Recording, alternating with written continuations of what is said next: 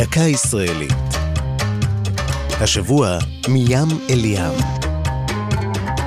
והפעם אל קוש.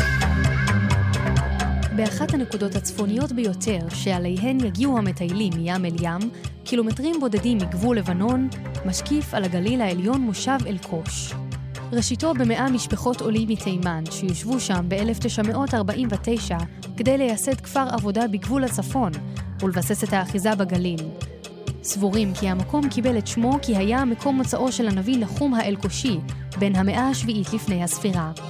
העולים מתימן התקשו לבסס את קיומם החקלאי באדמות ההרריות של הגליל, ורבים מהם נטשו אותו. כעבור שלוש שנים באו לאלקוש עולים חדשים מכורדיסטן, ותושביו התפרנסו מגידול טבק, מטעים וביצים. בשנות ה-60 וה-70 שבתו תושבי אלקוש פעמים אחדות, בטענה שהסוכנות היהודית ששלחה אותם לשם אינה תומכת בהם. למרות נידחותו היחסית של המושב, סוקרו השביתות בהרחבה בעיתונות התקופה. זו תיארה את הדלות ואת היעדר התקווה במושב, שחובר לרשת החשמל הארצית רק ב-1963.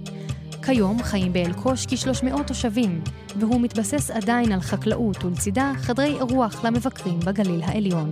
זו הייתה דקה ישראלית על מים אל ים ואלקוש, כתב יואב אונגר, ייעוץ הפרופסור יוסי בן ארצי, הגישה נועם גולדברג.